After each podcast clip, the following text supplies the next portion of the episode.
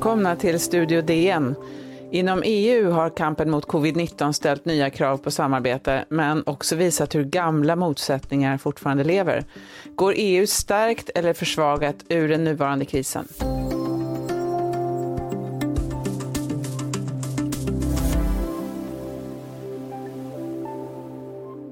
And when we're looking at that, we're not talking about billion, but we're talking about trillion, looking at the investment initiative that has to be done. Ja, EU har stora utmaningar igen. Ursula von der Leyen, EU-kommissionens ordförande, om beloppen.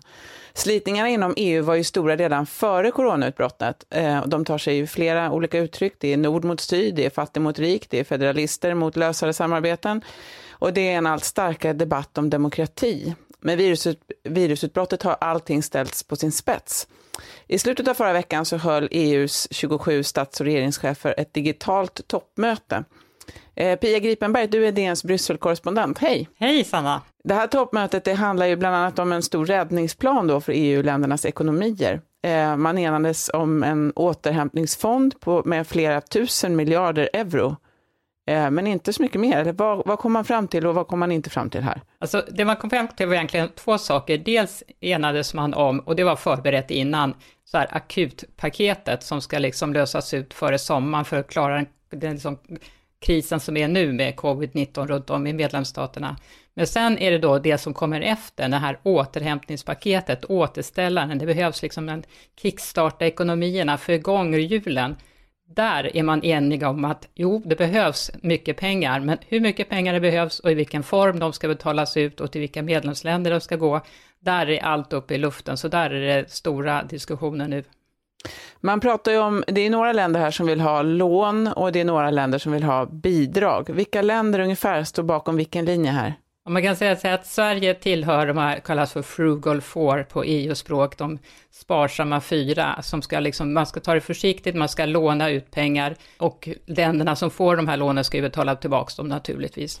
Men sen har vi då de, framförallt i Sydeuropa, det är Portugal, Spanien, Italien och även Macron, Frankrike, tycker att det ska gå ut pengar i rena bidrag också, för att det här är en sån enorm eh, katastrof, vi upplever nu en kris, och då behövs det liksom någonting som inte har setts förut.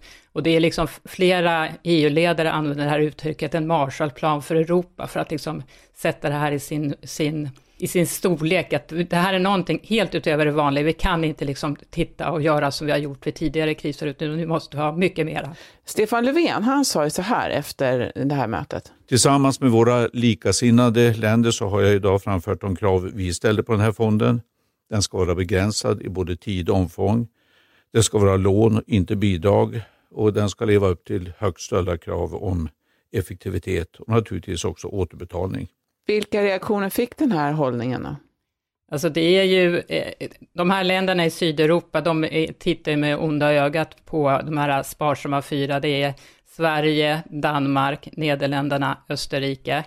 Ibland kan man ha, liksom, tänka in Tyskland lite där också, men Tyskland har inte satt ner foten på samma sätt som då Sverige har gjort. Och speciellt Nederländerna och Sverige, de som varit tydliga med att det här ska skötas som det brukar göra, att man ska betala tillbaka lånen och det ska bara gå till det allra nödvändigaste. Man ska hålla nere liksom medlemsstaternas liksom insatser ska vara på en låg nivå.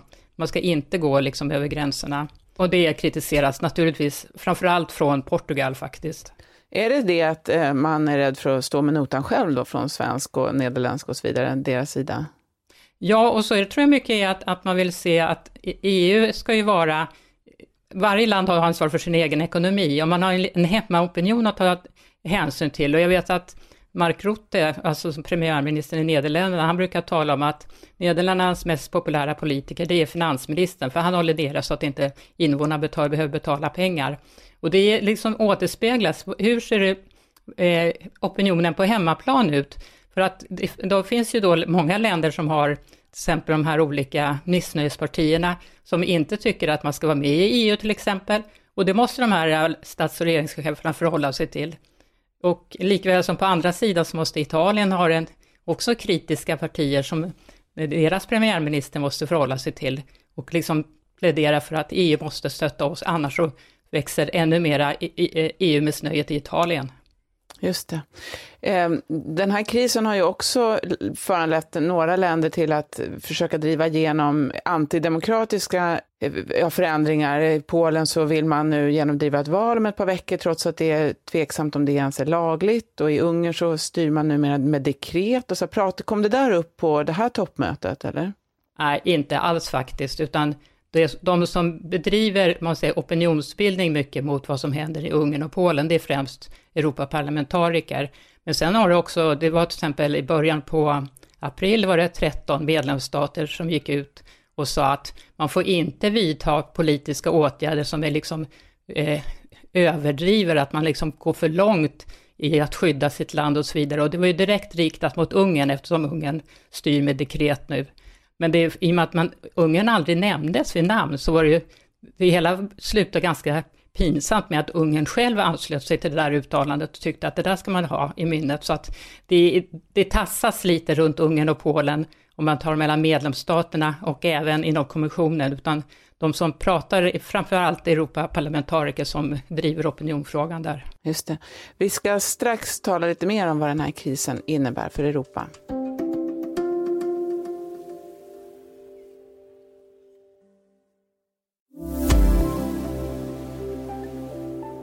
Crisis without borders cannot be resolved by putting barriers between us. And yet, this is exactly the first reflex that many European countries had.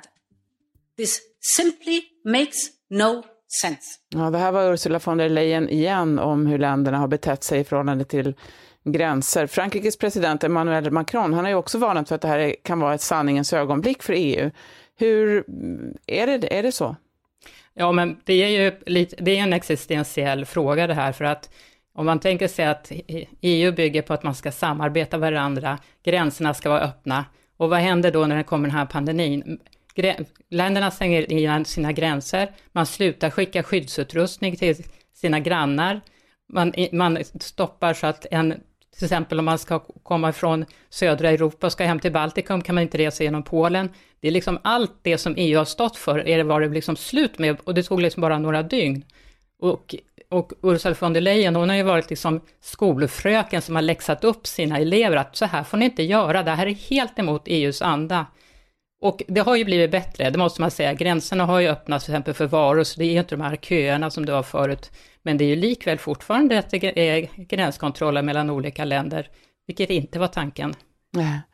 Bara, bara på senare år, liksom, vi hade den globala finanskrisen 2008-2009, vi hade flyktingkrisen 2015, de här jättestora skogsbränderna för bara ett par år sedan. Det har ju varit Eh, andra kriser. Hur har EU klarat det då? Man har ju klarat dem på något sätt, i och med att EU finns ju fortfarande, men de har ju klarat sig olika bra kan man väl säga. Och om man ser finanskrisen är man ju nu i efterhand förstår man ju att man gick för hårt fram mot till exempel Grekland. Att det var, grekiska folket fick ju lida något oerhört. Och det blev ju en reaktion då, liksom kom senare, när eh, Jean-Claude Juncker insåg att det måste ju vara mera investeringar. Vi kan inte bara tvinga alla att spara, utan man måste ju kunna investera, man måste kunna få igång de ekonomiska hjulen. Så då, då fanns det ett initiativ som hette Junckerplanen, att det skulle gå ut, ja, man skulle investera mycket mera av medel som kom från EU. Och om man ser migrationskrisen, ja den blottlade ju väldigt mycket sprickor den med. Och den är ju inte överbyggd, men den, är, den ligger väl på is kan man säga. På något sätt fungerar det, men inte bra. Hur ser det ut framåt nu då? Vilka scenarier ser du fram Går EU liksom stärkt eller försvagat och vad händer nu? Ja, det får vi egentligen se. Det som jag tror är, om man, de här stats och regeringscheferna kan ena sig om att det behövs stora insatser. Och det, det måste ju även då som Sverige och Nederländerna förstå att det finns ju, liksom, vi kan ju inte sälja, Ericsson kan inte sälja telekomutrustning till ett land som inte har några pengar. Det liksom ligger i Sveriges eget intresse att den inre marknaden fungerar, att det finns en efterfrågan på våra exportvaror. Så att om man kan jämka de här motstridiga viljorna som är nu, och det kommer ju bli någonting i slutändan, de, på något sätt blir ju alltid en kompromiss någonstans, och då och får man en tillfällig stödfond som kan dela ut pengar eller låna ut pengar och få igång ekonomierna så, så kommer det ju på något sätt att gå i vägen Och det är en del som tror ju också att det här kommer leda till fördjupat samarbete, att man förstår till exempel att EU-kommissionen måste ha tillgång till mer egna medel så att liksom kunna agera snabbt när det är en kris, inte vara beroende på att medlemsstaterna skjuter till pengar. Det är en sån fråga som ligger i luften. Man kan ju tänka sig att en sån sak som ansiktsmasker är ganska lätt att eh, producera, men det finns ju andra läkemedelstillgång och sånt som man tycker borde kunna vara lämpligt för EU att hantera mer centralt eller gemensamt. Ja, det finns ju säkert. Och sen det som också finns är det finns en politisk dimension på det här som man inte får glömma bort, att när det var efter finanskrisen när alla skulle spara, det var ju sådana tillfälle då Kina tog för sig i Europa. Kina köpte eh, Greklands största hamn i Piraeus och det där vill ju inte EU, eller liksom EU-kollektivet är ju väldigt eh, man vill vara, det heter att man ska ha en geopolitisk kommission. Europa ska spela en plats i världen när liksom USA kliver av och när Kina växer fram.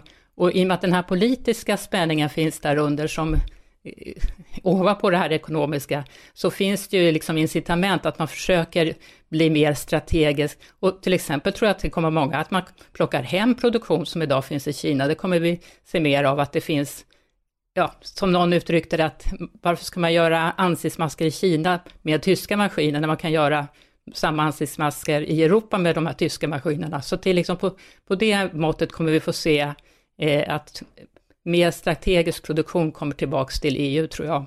Så regeringscheferna måste både ta hänsyn till den lokala opinionen hemma och till Kina då, någonting som ligger utanför EU, och sen då till den EU-delen så att säga. Ja, ja, det är en väldigt komplicerad sits de sitter i, så det, ledarskapen prövas ju på i stort här, alltså hur ska man förklara för sin befolkning att jo, men vi tycker det är bra att vi betalar mer till EU, till exempel om vissa länder får göra det, eller att andra länder får säga att ja, men, vi måste, EU är ändå bättre alternativ än Kina.